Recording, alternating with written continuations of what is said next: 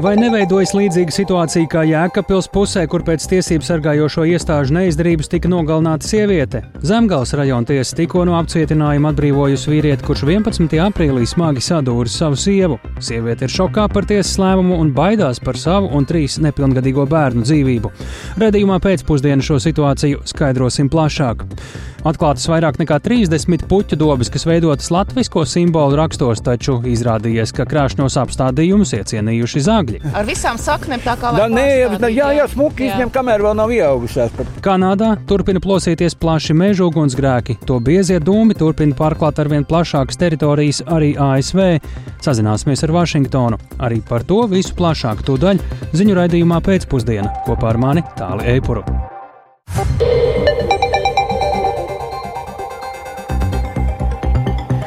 Ir 16,5 minūtes, skan pēcpusdienas ziņu programma, skaidrojot šodienas svarīgus notikumus. Studijā tālāk Eipors. Labdien! Vai Latvija, Latvijā neveidojas līdzīga situācija kā Jēkabpilī, kur pēc tiesību sargājošo iestāžu neizdarības tika nogalināta sieviete? Zemgals rajona tiesa Dobelē vakar nolēma atbrīvot no apcietinājuma vīrieti, kurš 11. aprīlī smagi sadūra savu sievu, pēc tam, kad viņa bija paziņojusi, ka vēlas no viņa šķirties. Sieviete tikai pirms pusotras nedēļas iznākusi no slimnīcas, un viņas veselības stāvoklis joprojām ir smags. Pēc vīra uzbrukuma viņa būtībā kļuvusi par invalīdi. Sieviete ir šokā par tiesas lēmumu un baidās par savu un trīs nepilngadīgu bērnu dzīvību. Tiesa šobrīd vīrietim ir noteikusi vienu aizliegumu tuvoties un sazināties, taču sieviete uzskata, ka tas varmāku neapturēs. Šī notikuma detaļās ir iedziļinājusies kolēģi Zane Ēniņa. Sveika, Zane! Labdien! Sazinājos ar šo sievieti, un viņa neiebilda atklāt savu vārdu. Viņu sauc Raina Vīksne, un viņas vīrs ir Jānis Vīksne. Par to savukārt informēja tiesā. Un uzbrukums, par ko ir runa, ir noticis naktī uz 11. aprīli.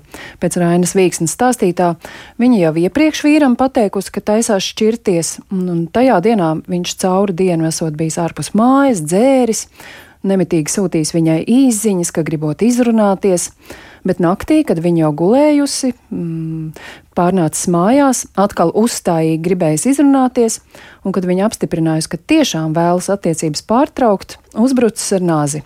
Lūk, kā nu jau gandrīz divus mēnešus vecos notikumus atstāstīja Raina Vīksne.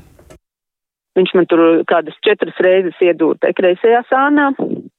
Es, protams, saprostama, kas sāk notikt, es domāju, ka divas bērni un visi viņi tur guļ blakus aiz, aiz, aiz savās istabās, un vai tiešām viņiem būs jāatrod mani tādu, es saprotu, man kaut kas jādara. Es mēģināju ar roku raut, vis, visi pirksti man ir sagriezti, un, un tu nāzi neizdevās, tad es saprotu, tumšu viņu ar kāju ārā no tās gultas, stūmu ar kāju ārā, viņš tad sagrieza man kāju.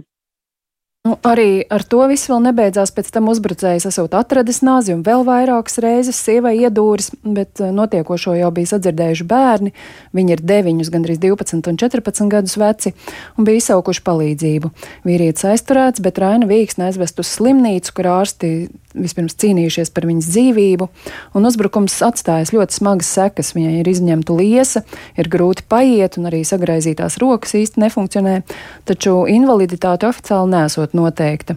Un tikai pirms neilga laika Raina Vīksne atlabusi tik tālu, ka varējusi atgriezties mājās, tāpēc ziņa, ka tiesa nolēmusi vīru izlaist no apcietinājuma, viņai bijusi maigi izsakoties kā augsta duša. Kaut gan 11. maijā viņam noteikts aizliegums tuvoties sievai un bērniem un viņu dzīves vietai. Raina Vīksne uzskata, ka tas viņu neatturēšot.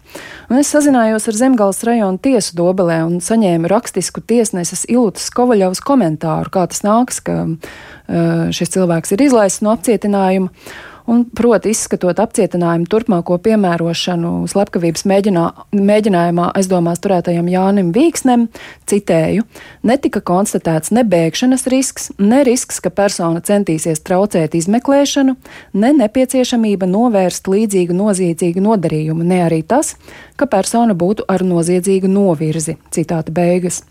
Līdz ar to tiesneses ieskatā tāds drošības līdzeklis, kas saistīts ar brīvības atņemšanu, vairs nesot nepieciešams un to var aizstāt ar citu. Policijā savukārt noskaidroja, ka izmeklētājs lūdzis tiesu apcietinājumu neatcelt, pamatojot, ka tas atbilst sabiedrības interesēm. Nu, tiesa tomēr izlēmusi citādi. citādi Jautāju arī, vai kādu, vai kādu aizsardzību sieviete un viņas bērniem, sievietei un viņas bērniem var nodrošināt policija. Un lūk, man atbildēja Zemgāles reģiona pārvaldes rietumu Zemgāles ietekņu izmeklēšanas nodaļas galvenā inspektora Evija Kārkliņa. Ja būs kaut, kaut kāds mazākās mazākie signāli, ja viņš to, nu, pieņemsim, neievēros to tiesas nolēmumu vai mēģinās kaut kādā veidā pārkāpt uh, drošības līdzekļus, pazinoties ar viņu vai izmantojot citu personu starpniecību, uh, noteikti šai sievietei būs jārēģē, jā, jāziņo procesu virzītājiem vai zvanot 110 un uh, attiecīgi būs policijas iestādē jārēģē. Nu jā, tātad policija iesaka, ka Rainai Vīksnei pašai jābūt vērīgai un uzmanīgai, un ja vīrs mēģina tuvoties vai sazināties, jāsauc policija. Nu, iepriekš redzējām, ar ko tas beidzās. Bet uh, tu pieminēji, ka bija noteikti šis uh, ierobežojums viņam sazināties, tuvoties, bet tas jau bija māja sākumā, tagad, kad viņš ir izlaists. Uh, kāds drošības līdzeklis uh, tagad viņam tas pats ir vai kāds? Um, policijā teica, ka plānojot noteikti arī policijas uzraudzību. Tas nozīmē, ka viņam regulāri jāreģistrējas policijā savā dzīves vietā. Viņš norādīs, ka dzīvo Ogres novadā un strādā Madonas novadā. Nu, un, jā, un paliek arī spēkā visi iepriekš tiesas noteiktie pienākumi ir aizliegts atgriezties un uzturēties mājās, kur dzīvo sieva ar bērniem, nedrīkst mājām tuvoties tuvāk par 200 metriem, aizliegts satikties vai jebkādā veidā sazināties ar Rainu un bērniem, un noteikts arī pienākums gada laikā apgūt sociālās rehabilitācijas kursu vardarbīgas uzvedības mazināšanai. Tā tad, eh, cik ilgi tas viss varētu ilgt, es iztēlojoties eh, šos, šīs sievietes sajūtas, eh, tas nozīmē, nu, tiesa nav vēl bijusi tā, kas ir ar spriedumu, šis ir pagaidu stāvoklis. Nu, šis ir pagaidu stāvoklis, kas varbūt nezinu, cik ilgs, jo izmeklēšana nav pabeigta, kad būs tiesa, nav līdz ar to zināms. Tikai jūlija vidū šim vīrietim paredzēta tiesu medicīnas psihiatriskā ekspertīze, jo, kā teica policijā, uz ekspertiem esot lielas rindas. Tātad varmāka, nu, aizdomās par slepkavības mēģinājumu turēts cilvēks uz nenoteiktu laiku ir brīvībā, bet viņa upuri var tikai cerēt, nu, ka viņš ievēros visus šos pienākumus un ierobežojumus. Paldies Zanēniņai. Aicinām arī novērtēt, ka sieviete ir uh, nolēmusi savu stāstu dalīties un neklusēt, un tā ir viena no lietām, ko arī mēs visi apkārtēji varam darīt šajās situācijās. Bet šobrīd pie mūsu klausulas saimnes juridiskās komisijas priekšsarētājs krimināltiesība eksperts Andrejs Judins no jaunās vienotības. Labdien! Labdien! Kā jūs vērtējat šādu stāstu, šādas ziņas, kuras slepkavības mēģinājuma aizturēts cilvēks tagad ir brīvībā, aizliegums tuvoties, sievietei nopietnas bažas, ka viņš var pārkāpt ierobežojumu? Kam un kā tagad būtu jārīkojas, lai mēs nenonāktu līdz jēkapils scenārijam, un vai jau šobrīd viss jūsuprāt no dzirdētā ir pietiekams? Sāpīgi, ka tādi gadījumi ir, bet labi, ka mēs par tām runājam un ir iespēja tieši tad meklēt labākos risinājumus. Es saprotu, ka tiesa lemjot par drošības līdzekli, droši vien uzskatīja, ka nav indikāciju, ka viņš izdarīs kaut ko līdz ar to, nav pamata turēt viņu apcietinājumu. Nu, izmeklētājs pat bija lūdzis, lai tas tā notiek. Jā, bet problēma ir tā, ka mums nevajadzētu sagaidīt pierādījumus tam, ka viņš ir bīstams, jo šie pierādījums var būt ļoti, ļoti traģisks. Jā, tad es domāju, ka tiesām šajos gadījumos ir jāskatās ne tikai nu, jāmeklē pierādījumi, ka viņš turpinās, bet ir jāpadomā, ko viņš ir izdarījis iepriekš. Jā, tam var būt eh, ļoti liela nozīme. Bet uh, konkrētajā gadījumā uh, Eh, ļoti labi, ka ir paredzēts noteikti arī policijas uzraudzība, bet es domāju, ka, ja ir pamatotas bažas, ka viņš tiešām var kaut ko līdzīgu vēl mēģināt darīt, tad var lūgt ģenerālu prokuroru noteikt speciālu procesuālu aizsardzību. Arī tāda iespēja pastāv. Protams, ir jāskatās, cik viņš ir bīstams, bet to, ko viņš izdarīja, tas jau pats par sevi liecina, ka nu, tie nav nekādi vienkārši konflikti, kad parunāja emocijas. Te ir mēģinājums noslēpt. Tad viss ir ļoti nopietni.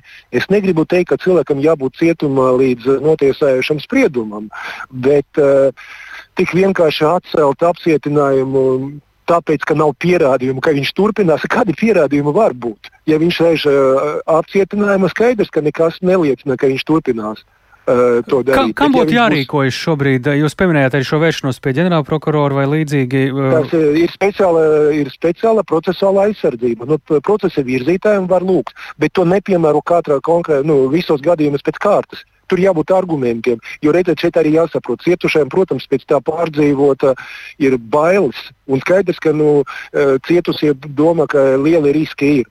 Bet, uh, var lūgt un lai izvērtē un domā. Bet eh, ļoti svarīgi ir tomēr arī eh, nepieļaut situāciju, ka viņš eh, nu, mēģina tuvoties, uzreiz jāziņo, un drošības līdzekļi nu, galu galā var piemērot joprojām. Nav tā, ka ja, viņu, ja viņš tagad vairs nav apcietināts, tad apcietināt vēlreiz nevar. Var apcietināt, ja ir tieši pārkāpumi no viņas puses, ja ir riski. Līdz ar to jautājums Eh, ir atklāts, un, eh, bet nu, policija gribēja, lai viņš eh, būtu apcietināts. Ja? Tad, līdz ar to šeit jautājums, kādi ir tie lietas apstākļi, kas pārliecināja tiesu, ka riska nav. Jo te, te ir nodarījums, kas saistīts ar vardarbību. Ja viņi kļūdi, ja pieļāva kļūdu, tad cena var būt ļoti augsta. Tāpēc uh, svarīgi, lai tiesa tiešām rūpīgi vērtētu visas lietas apstākļus. Nevis meklētu pierādījumu, ka viņš noteikti nākamajā dienā pēc atbrīvošanas kaut ko izdarīs. Judinkungs, atvainojos, te zāna Eniņa, es arī gribēju pajautāt, kā tad ar bērniem? Vienmēr tiek uzsvērts, ka bērnu tiesības ir uh, prioritāras, un šajā gadījumā tur ir trīs nepilngadīgi bērni. Protams, bet redzēt, es tieši gribu teikt, ka policija gribēja, lai viņš būtu apcietināts. Mums nav pamata pārmest policijai neizdarību, bet uh, apcietinājumu Latvijā piemēro ar izmeklēšanas tiesneša lēmumu. Un, uh, Mūsu neatkarīga tiesa. Mēs nevaram tagad, uh, nu, es, es neuzņemos, tagad uh, nevaru uzņemties un teikt, ka tiesa izdarīja nepareizi tieši tad, jo es neredzēju lietas materiālus. Bet es uzskatu, ka šajos gadījumos, lemjot par apcietinājumu atcelšanu, ir jābūt argumentiem, pamatojumam. Un tā ir problēma. Un, un, pilnīgi jums piekrītu, ka ņemot vērā, ka ir bērni, arī par viņu interesēm ir jārūpējas. Šobrīd uh, mēs esam ļoti daudz ko dzirdējuši, plaši uh, gan uzskatus, gan lēmumu virzību. Arī mainīsies tas, kas ir sacīts likumā attiecībā uz šāda rakstura gadījumiem pietiekami drīz jau, bet šobrīd nu, tā situācija ir tāda, ka mēs nesaprotam, ar ko tas var beigties. Ir ļoti slidena. Tāpēc jākontrolē viņa uzvedība, un policija tas jādara intensīvi. Tas nevar būt tā, ka vienkārši uh, jāatnāk uz policiju atzīmēties. Ja? Tad, uh, tur svarīgi tad, uh, nepieļaut, ka viņš tuvojas, ka viņš dara aizliegtas lietas. Un, principā ik viens signāls par eh, viņu agresivitāti ir jātulko kā nepieciešamību mainīt drošības līdzekļus. Ja, nedod, ja nedod, nedodies kaut kas notiek šajā virzienā, kuram un cik nopietni par ko tādu būtu jāatbild, pasargdies Jākapils variants. Nu, nemēģināsim, es domāju, tagad uh, modelēt situāciju, ka kaut kas notiks, jau kam būs jāatbild. Mums ir neatkarīga tiesu vara, kas pieņem lēmumu, ka apcietinājumam nav pamata. Tad uh, pieņemsim to, un tagad ir jādomā par to, kā garantēt cilvēkam drošību. Un tad uh, praktiskie soļi var lūgt procesuālā aizsardzību, un uh, var lūgt, lai policija piemērotu arī vairākus uh, drošības līdzekļus un kontrolētu. Bet es šeit redzu lielu risku, ja tas bija izdarīts alkohola redzu stāvoklī. Kad viņš, kamēr viņš bija apcietinājums, skaidrs, viņš nelieto alkoholu, tur redzēja vienu cilvēku. Lai nesanāktu tā, ka viņš var piedzērties un, tad, un mēģināt atkal runāt. Paldies par sarunu. Šeit vēl ļoti daudz jautājumu. Tā Andrejs Judins, Saimnes juridiskās komisijas priekšsēdētājs, krimināla tiesību eksperts. Šim stāstam noteikti sekosim līdzi. Paldies arī Zanēniņai. Iekšlietu nozarē vardarbība nav vienīgā problēma. Sarežģīta situācija jau ilgstoši ir arī uz valsts robežas. Latvijas robeža kā vājākais punkts migrantu plūsmā no Baltkrievijas tās īstenotajā hibrīdkarā. Tā skaidri liek saprast Lietuvas amatpersonas. Startautiskai žurnālistu komandai, kuras, kurā darbojas arī Baltijas pētnieciskā žurnālistikas centrs Rebaltika, ir izdevies ne tikai konstatēt Latvijas vājumu migrantu plūsmas novēršanā salīdzinot ar Poliju vai Lietuvu, bet arī atklāt plūsmas pirmsākumus pirms vairākiem gadiem un šodien notiekošo plašo bēgļu transportēšanu uz Rietumu Eiropu. Esam sazinājušies ar vienu no pētījuma dalībniecēm Rebaltika pētniecību Nesi Liepiņu. Labdien! Sveiki! Kas starptautiskai pētnieku komandai lika sākt eh, šādu uh, pētījumu par migrantiem, kas ieceļo Eiropas Savienībā no Baltkrievijas? Um, viena lieta ir, pirmkārt, nu, ka tas ir bijis aktuāls temats kopš 21. gada, un varbūt pēdējā laikā tas ir uh, kaut kur nedaudz aizsaucīts otrajā plānā. Un, uh, mēs uzskatījām, ka tam ir jāpievērš uzmanība. Otra lieta bija, ka mēs ar šo starptautisko pētniecisko žurnālistu grupu sadarbojāmies, sadarbojamies jau vairākus gadus. Un ik pa laikam, ja kādam ir ideja, tad uh, šī ideja tiek apspriesta plašākā lokā. Un uh, šajā gadījumā Lietuvas kolēģiem, Lietuvas žurnālistiem uh, šķita svarīgi šim pieķerties, jo pēdējā laikā Lietuvā sākās ja tā var teikt, interesantas kustības, proti viņiem migranti vairāk sāka ieplūst un un no, nevis no Baltkrievijas, bet no Latvijas. Proti, robežsargi un policija biežāk pieķēra šos nelikumīgos migrantus tieši, kas brauc no Latvijas, nevis no Baltkrievijas, jo viņi Baltkrievijas robežu aizsargā, bet nu, uz Latvijas robežas, protams, nav šo kontrolu punktu. Un, tas lika mums mēģināt saprast, nu, Kā tad tā ir gadījies, ka mēs noslogojam Lietuvas robežsargus ar migrantiem, kas uh, nav gluži mūsu izcelsmes. Nu, es saprotu, ka šī pētījuma laikā ir tādi trīs virzieni attīstījušies. Kā vispār ir sākusies šī migrācijas krīze, uh, tad uh, kā notiek šobrīd transportēšana reāli prom uz Eiropas Savienību no mūsu reģiona un tad arī tās Latvijas vājās vietas. Jā, tu ļoti precīzi noformulēji visus šos trīs punktus. Un, protams, tad, kad žurnālisti sanāk kopā, tad varbūt ir sākumā viena tēma vai viens uh, skatu punkts, kuru mēs vēlamies izpētīt. Bet tad, kad sākas darbs, tad jau, protams, runājot ar avotiem un pētot informāciju, bieži vien atklājas vēl jaunas detaļas, kāds arī bija šajā gadījumā. Kas īsumā ir tas, tie svarīgākie punkti, pie kādiem secinājumiem jūs esat nonākuši kopā? Uh mhm. -huh. Pirmais punkts ir tas, ka Latvija šobrīd ir vājākais posms, un Lietuvas amatpersonas tā arī bez diplomātijas norāda, ka pie viņiem visbiežāk migranti, kurus viņi noķer, nonāk uh, nevis no Baltkrievijas, bet no Latvijas, jo mums nav žoga un uh, viņi šeit vieglāk iekļūst. Otrs uh, punkts, ko mēs apskatījām, mēs iefiltrējāmies, uh, žurnālisti iefiltrējās slēgtās telegramu grupās, kas jau ir nākamais līmenis šiem migrantiem. Tur tiek meklēti šoferi, kas viņus no gan no Latvijas, gan no Lietuvas, gan no citām valstīm, kas jau ir tikuši pāri, aizgādās uz Rietumu Eiropu. Jo skaidrs, tad, kad viņš šeit iekļūst, um, viņu mērķis nav Latvija. Viņi nevēlas te palikt, viņi vēlas visbiežāk tikt uz Vāciju. Un tad tiek uh, meklēti nelikumīgi veidi, un tad ir organizētās noziedzības grupas, kas slēgtos telegramu kanālos algo šoferus, maksā no 500 līdz pat 1500 uh, dolāriem par vienu cilvēku pārvešanu, bet lielākoties tās pārvešanas ir grupās. Un trešā lieta, kas eh, mūsu rīcībā nonāca noplūduši dokumenti un telefonu sarunas, kas liecināja, ka sākumā, kad eh, sākās šī migrantu krīze uz Baltkrievijas robežas 21. gadā, Lukašenko režīms šos migrantus ieveda ieveda Baltkrievijā aiz aizsaga, ka tie cilvēki, kas vēlas doties medībās Lukašenko piederējušajās teritorijās. Un tāds uh, pakalpojums tiešām tur tika piedāvāts, agrāk tā bija ekskluzīva iespēja, ko varēja izmantot bagāti cilvēki. Bet tad pēkšņi 21. gadā to varēja sākt atļauties uh, mājsaimnieces no Sīrijas. Detaļas cilvēki. par šo arī Rebaltika plašā rakstā var izlasīt. Uh, pavisam īsi vēl pusminūte mums ir, uh, uh, kas tad ir tie par akmeņiem Latvijas caurās robežas dārziņā un cik ilgi tā problēma līdz ar to izskatās izskatās, jau var turpināties? Nu, Latvijas caurais dārziņš ir tas, ka viens ir tas, ka mums nav žoga, ka citējot tieslietu ministru Mārku Čīnski, kamēr uh, kaimiņi būvēja žogus, tikmēr mēs nezinām, ko darījām. Tā viņš teica. Līdz ar to pie mums ir vieglāk pārkļūt pāri žogam. Otrs ir tas, ka lielākoties šie migranti, kas tiek noķerti Lietuvā un nu, atpakaļ atgriezt Latvijā, viņi bieži vien nāk tieši no um, muciniekiem. Līdz ar to viņi tur ir nogādāti humanitāra apsvērumu dēļ, un skaidrs, ka muciniekos ir brīvais režīms, viņus nevar turēt ieslodzījumā ieslēgtus, un ar to viņi aizbēg no muciniekiem, un daļa, daļa tiek atgriezti.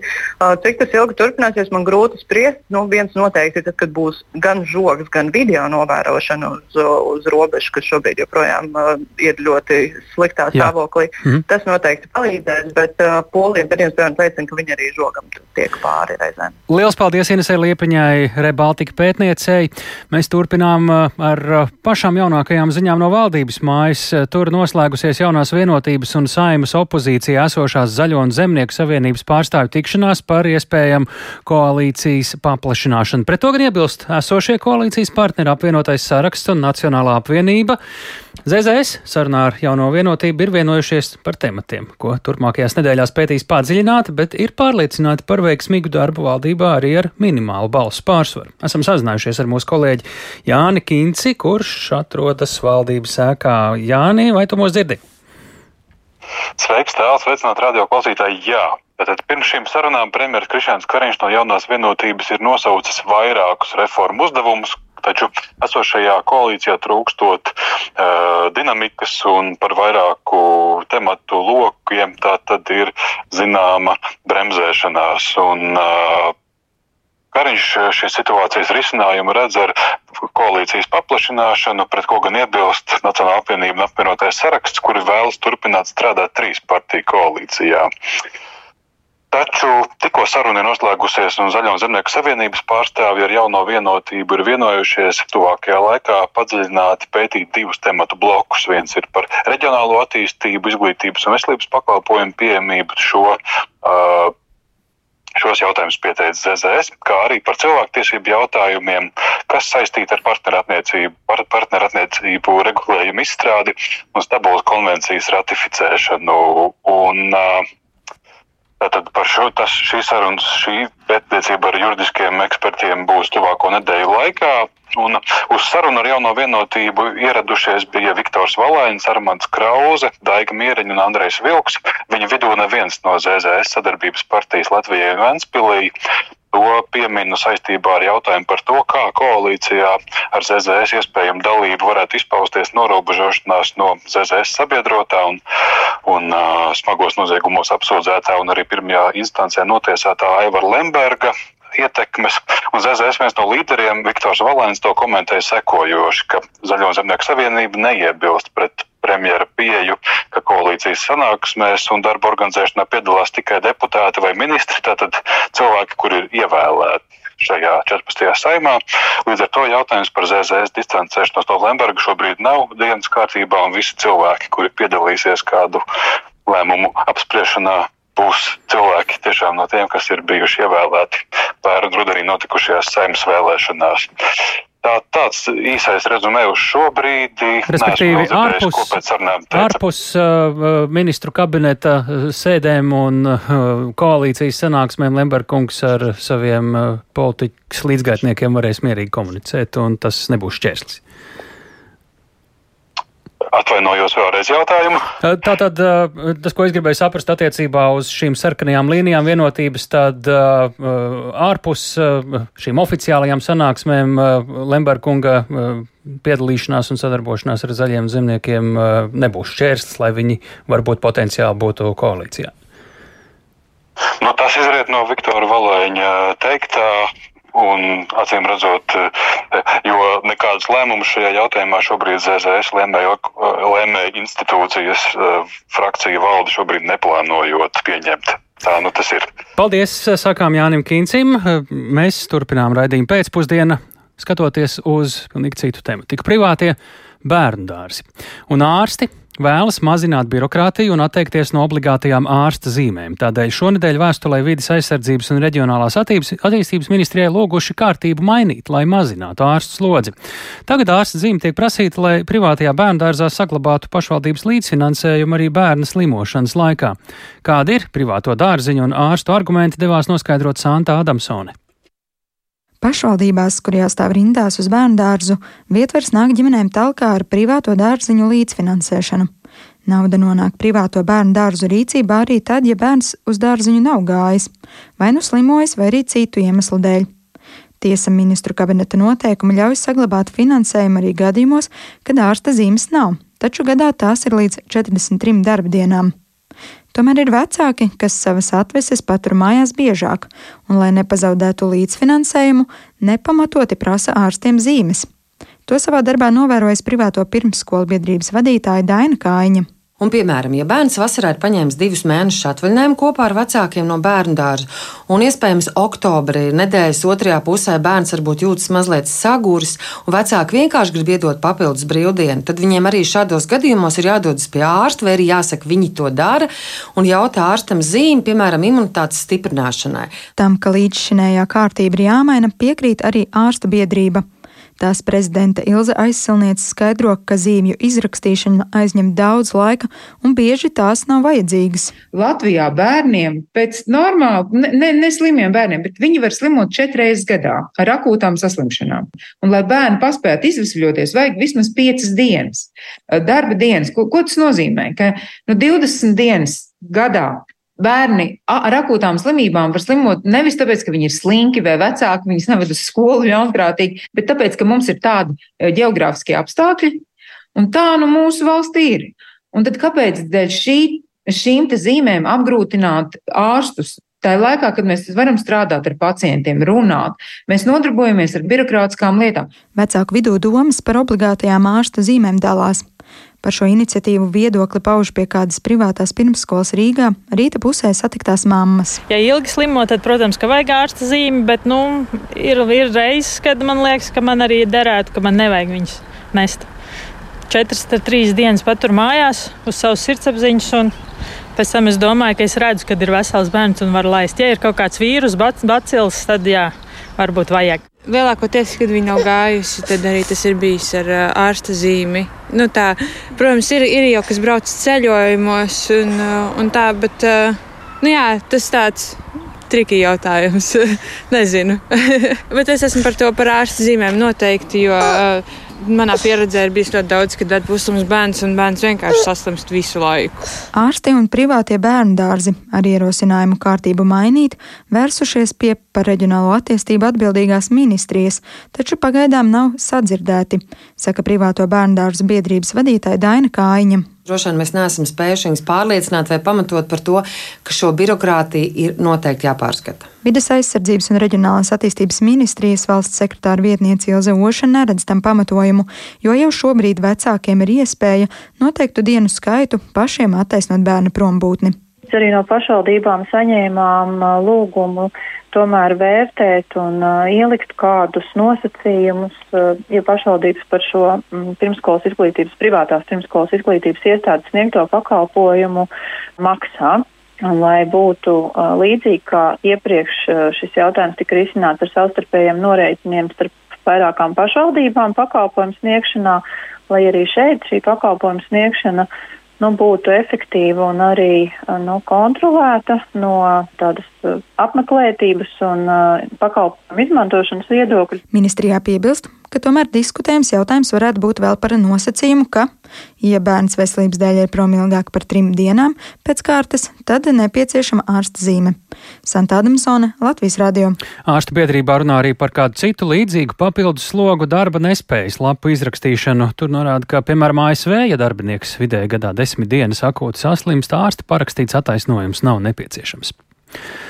Rīgā ir atklātas vairāk nekā 30 puķu dobes, kas šovasar veltītas dziesmu un deju svētku 150. gadsimtai. Tādēļ stādījumos ir latviski simboli, raksti un motīvi, kas ir neatņemama svētku sastāvdaļa. Piemēram, Vērmanas dārza apaļā dobe veidota iedvesmojoties no suitu dižās saktas bet esplanādē puķis atspoguļo Rīgas tautisko brunču krāsas un rakstus. Diemžēl šogad Rīgas mežu iestādītos stādus arī daudz vairāk zog. Vairāk par to Skirmantas Baļķūtas reportāžā. Katrai puķu dobei ir jāatbilst tai vietai, kur tā atrodas. Piemēram, pie brīvības pieminekļa puķu dobe ir izveidota lielvārdes jostas stilā un arī ar tās rakstiem. Vislabāk tos, protams, var redzēt no augšas, kā arī tiek izmantotas sarkanās un baltās puķu krāsas. Ainavu arhitekte Ligita Tomiņa tepat uz soliņa šķirsta biezu mapi. Tajā apkopotas visu Rīgas dobju skices, kā arī uzskaitīti tajās izmantoti augi. Katru gadu viņa cenšas eksperimentēt, izmantojot arvien jaunas šķirnes piemēram, tāda zaķaste ļoti sen nav bijis. Viņa ir tik skaista graudzāle, to mēs šogad paredzējām. Tad mums ir mangolds, kas uh, ir kā līdzīgs kā, nezinu, biete, bietei, nu, bietei jā, jā. bet viņam ir ļoti skaisti krāsaini kāti. Ja? Mm. Mēs viņu paredzam ar dobītēs. Tad tur ir uh, tas pats burkāns savaļas, kas ir mums tepat uh, Basteikalnā iestādīts. Viņš Kopumā Rīgā šovasar ir atvērtas 30 īpašas dziesmu un deju svētkiem veltītas puķu dobes. Tajās iedēstīti teju 50 tūkstoši ziedaugumu, vairāk nekā 200 dažādas šķirnes, stāsta Ligita Tomiņa. Patiesībā ir tā, ka es nezinu, kā viss no tā izskatīsies, tāpēc ka uh, paņemt. Uh, Pieņemsim to pašu, uztaisot dižās suitu saktas, nu, veidojumu no ziediem bērmanes dārzā krāsas, tos augu sortimentu. Es nezinu, kas beigās sanāks. Es mēģinu piemeklēt, radīt kaut ko līdzīgu, bet augi ir tik ļoti interesanti, ka mm, varbūt uz papīra viņš izskatās viens, bet dabā viņš varbūt izaug mazliet savādāk nekā tas iecerējis. Pēkšņi ir tik labi augšanas apstākļi, ka varbūt viņš izaug lielāks nekā es biju domājis. Augu stādīšanas maratons ilga trīs nedēļas. Tagad dārznieki ne tikai kopj un laista dobes, bet arī esot spiesti cīnīties ar divu veidu vandāļiem - vārnām un cilvēkiem, dalās Rīgas centra galvenais dārznieks Ēriks Semanis. Jau šogad kaut kā iecienījuši dikti pazakt vairāk nekā citus gadus, vai tā cena ir laikam tāda, kad. A, ko zog? Vat tas interesanti, kādas puķes? Balzamīnas, ledenes. ledenes nu, tās, kas pārsvarā, man liekas, kas iet uz kapiem kaut kādas tādas. Nu, gribās uh, arī kapos kaut ko vai. Ar visām saknēm tā kā. Nē, jā, jā, smuki izņem, kamēr vēl nav ieaugušās. Pat, teiksim, pirmo dienu vienmēr nostāv uh, viss it kā nav, bet otrajā, trešajā dieniņā jau sāk pazust. Galvaspilsētas dobēs iestādītu augu pilnbriets ir paredzēts jūlija vidū, tad arī tajās būs redzami tautas raksti visā krāšņumā, taču augusta sākumā ir plānota vasaras puķu dobju parāde. Skirmata Baļķūte, Latvijas radio.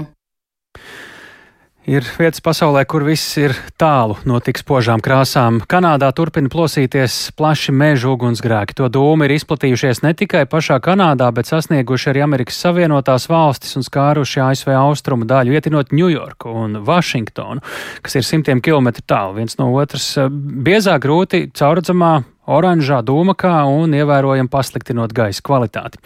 Plašāk par notiekošo Kanādā un ASV turpina Rihards Plūme.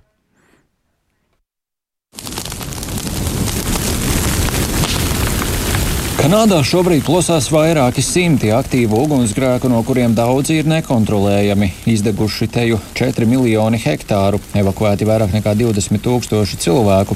Lai gan meža ugunsgrēku sezona ir tikai sākusies, valstī kopumā jau plosījušies vairāk nekā 2000 ugunsgrēku. Palīdzēt glābējiem uz ugunsgrēku skartajām teritorijām ir devušies simtiem bruņoto spēku pārstāvji, asistējot gan pārtikas piegādēs iedzīvotājiem, gan glābšanas darbos. Kanāda saņem palīdzību arī no ārvalstīm, tostarp no ASV un Eiropas Savienības. Ugunsgrēki ietekmējuši skolu darbību un brīvdabas pasākumus. Kanādas premjeras Justins Trudeau šo ugunsgrēku sezonu nodēvējis par postošāko valsts vēsturē. Well, Diemžēl pēdējos gados esam pieredzējuši, ka ārkārtēju laikapstākļu intensitāte un ietekme uz kanādiešiem, kā arī to radītās izmaksas ģimenēm, provincēm un federālajiem budžetam ir palielinājušās. Pēdējo gadu laikā mēs esam redzējuši postošus plūdus. Esam redzējuši, kā pagājušajā gadā viesuļvētra Fiona skāra mūs spēcīgāk nekā iepriekš pieredzētās viesuļvētras. Un šogad redzam vissmagāko ugunsgrēku sezonu, kāda jebkad ir bijusi visā valstī. Tāpēc mums ir jāturpina pielāgoties tam, ko mēs darām. Ugunsgrēku radītie dūmi izplatījušies ne tikai Kanādā, bet sasnieguši arī Amerikas Savienotās valstis. Oranžā kodīgā dūma kā un asā deguma smakā ietenot austrumu daļu, tostarp tādas lielās pilsētas kā Vašingtona un Ņujorka. Gaisa piesārņojuma līmenis tur pārsniedzis to, kāds parasti sastopams pilsētās Dienvidāzijā un Ķīnā. Brīdinājumi par bīstamu gaisa kvalitāti skāruši aptuveni 111 miljonus amerikāņu. Dūma, ka ietekmējusi avio reisus, skolu darbu un brīvdabas pasākumu norisi. Ņujorkas mērs Ēriks Adams aicinājis iedzīvotājus palikt iekštelpās. Amatpersonas pilsētā izdalījušas sejas aizsegus dzelzceļa stacijās, autobusu stacijās un parkos, un arī paziņojušas, ka valsts skolas no šodienas pāriet uz tālmācību. Lūk, ko saka viens no ņujorkiešiem. Es biju domājis šodien vilkt masku, bet aizmirsu to izdarīt. Bet mēs paliekam mājās, un arī bērniem visas aktivitātes notiek iekštelpās. Šodien doma, ka ir kļuvusi mazāka, tomēr gaisa kvalitāte saglabājas ļoti slikta. Vides aktīvisti jau izmanto radušo situāciju Kanādā un ASV, lai atgādinātu par klimata pārmaiņu postošo ietekmi. I spoke yesterday with Prime Minister Trudeau. Uh, uh, Arī Baltānama saimnieks Joe Baidens norādījis, ka ugunsgrēki Kanādā ir vēl viens spilgts atgādinājums par klimata pārmaiņu ietekmi. Rihards Plūme, Latvijas radio. Šobrīd raidījumā pēcpusdienā esam uh, sazinājušies ar Sandru Strēngu, kura dzīvo un strādā Vašingtonā. Lab, jums jau var teikt, labdien! Ja? Vai labrīt? Labrīt, labrīt jā. jā. Nu, kā tad ir, kāds ir uzausis rīts? Ko jūs šobrīd redzat pa logu? Ko tā arī šobrīd, es domāju, drīkst jautāt saužat. Jā, jā, nu šorīt vispār jāsaka, ka pirmais rīts, kad vispār nebija tas smogs tik ļoti redzams, bet tās iepriekšējās dienas, katru rītu, kad es izbraucu no mājām, viss izskatījās pilnīgi kā miglā tīts. Nedomāju, ka tik traki bija kā, kā Ņujorkā, bet mums arī diezgan smagi tas skāra, jo um, pat varēja manā ēkā, kur es dzīvoju, es izgāju no dzīvokļa, bet man jāiet ir pa tādu tā kā koridori līdz tām ārdurīm, un jau koridorī to dūmu smaku jau varēja sajust un, un to mazo gabaliņu, kas man ar kājām bija jānoiet no garāžas līdz darbam, teiksim, jā, man uzreiz jau acis sāk asarot un, un degunā bija tāda tā kā dedzinoša tāda sajūta. Tā kā nu, diezgan mēs jā, to sajūtām. Cik tālu no jums ir tuvākie tie lielie ugunsgrēki? Tie ir simti kilometri. Ja? Jā, tie ir simti kilometri. Es tikko paskatījos Google, no ap, apmēram 800 līdz 1000 km. Tas jau nav uh, nemaz maz, bet uh, nu, tas vējš to visu ir atpūtis. Šodien ir pirmais rīts, kad atkal vēja virziens ir mainījies, un pateicoties tam mums ir uh, tā gaisa kvalitāte nozīmēta mērena. Šodien tāpat tās jau neiesaka vecākiem cilvēkiem iet laukā un tiem, kam ir respiratorās saslimšanas. Bet, uh, bet tas jau viss var arī mainīties, jo kā vējš atkal mainīsies, tas jau atkal viss var nākt atpakaļ. Jo, kā noprotams, paša ugunsgrēka Kanādā daudz kur joprojām netiek kontrolēti, nav iespējams tos uh, būtiski kontrolēt, uh, un tie turpinās. Kā jums liek rīkoties? Jā. Ko jums saka varas iestādes, un kas ir tās lietas, kas grib, negrib šobrīd ir jāievēro visiem? Jā, nu vakar, vakar izsludināja violeto to, uh, brīdinājumu, kas ir priekšpēdējais līdz tam pašam pēdējiem trakākajam, tam tumšs sarkanam, uh, kad uh, nu, ieteica, protams, lietot maskas, un arī mēs to darījām, uh, ja bija jāiet ārā, un savādāk nevarēja. Un caur maskām tāpat to varēja uh, sajust. Un, un, nu, cilvēki jau, protams, centās arī palikt mājās, ja tas bija iespējams. Tā, nu, nekāda jau liela panika šeit nav, bet uh, nu, tomēr ļoti nepatīkami, tāpēc ka tu uzreiz vari just, un it kā nav nekāda glābiņa tikai savā dzīvoklī un aiztaisīt visu logus. Ko jums saka, cik ilgi tas varētu būt? Jo var jau apmēram prognozēt uh, gan to ugunsgrēku ilgumu, nosacīt, protams, ļoti, uh, gan tos pašus vēja virzienus, varbūt kādu nokrišņu daudzumu un līdzīgi. Jā, to nav iespējams vispār paredzēt, tāpēc, ka tiešām, kā jūs teicāt, puse vismaz no tiem ugunsgrēkiem nav kontrolējama. Un, ja tie turpināsies un sausie laika apstākļi turpināsies, tas viss tikai turpināsies un vēja ietekmē. Tā, nu, tie dūmi nāks un ies, un, un tā būs, varētu būt pat diezgan ilgu laiku. Kas ir tās lietas, kuras jūs teiktu šobrīd sarežģīja visvairāk cilvēku dzīvi, ja neskaita nepatīkamo un neparasto vienkārši sajūtu esot tur uz vietas? Mēs dzirdējām avio reisi, kas varbūt ir vēl kas tāds, kas reāli maina ikdienu. Uh, jā, nu es tiešām nezinu tā sīkāk par avio reisiem. Man uh, viena dr latviešu draudzene. Nu, ko jūs apkārt redzat? To, ko jūs zinat, varbūt? Uh, jā, nu, es, es zinu, ka bija daudz reizi, teiksim, Ņujorkas uh, apkārtnē uh, apturēti, mm -hmm, jā, daļa tā smoga un visa, bet mūsu apkārtnē tomēr lidojumi it kā notika, cik man zinām, un nebija tik Ah. Traki. Jā. Bet Ņujorkā bija viss sliktāk. Jūs arī atsūtījāt pirms ētera fotografiju, kurā ir redzama saule, kura nav viss tāda ar izkliedētu gaismu, kā mēs esam pieraduši redzēt, kur jāpiemiedz acis, bet tā ir vienkārši tāds sarkans Jā. aplis ar skaidru kontūru pie debesīm, tāds ripulis. Ir tāds krietni tumšāks kopumā, tā kā apmācies, vai kā, kā tas ir klātienē īsumā? cilvēcīgi. Vakar, aizvakar, jā, vakar, aizvakar bija diezgan um, tiešām apmācies, tā kā smogs, tā kā migla. Uh, un saule bija oranžā krāsā, un tajā rītā, kad šī bilde ir uztaisīta pirmo reizi, mēs viņu redzējām tik sarkanu. Tas bija pašā nedēļas sākumā. Un mēs pat vēl nezinājām, kas notiek. Mēs pat nezinājām, kas notiek Ņujorkā. Mēs kaut kā pilnīgi Tad tā gan ir baisa sajūta. Jā, Jā, un tad, kad mēs to sauli ieraudzījām, es sāku googlēt un, un skatīties, kas notiek, jo tādu sauli es nebiju redzējis. Un, un tad es sāku lasīt, ka tieši tam dēļ saule iekrāsojas. Labi. Nu, pamatīgs piedzīvojums, nepārāk patīkams. Mēs sakām lielu paldies Sandrai Strangai, eh, kur dzīvo un strādā Vašingtonā, un paldies arī, ka klausījāties raidījumu pēcpusdienā. Piektdienā, pēdējā šīs nedēļas darba dienā, mēs tiekamies atkal pirmdien, kā vienmēr pēc ziņām 16,5 minūtēs. Raidījumu veidoja Ilzi Aginta, Tāls Eipors, Kaspars Groskops un Katrīna Bramberga. Mēs sakām visu labu, lai labas brīvdienas!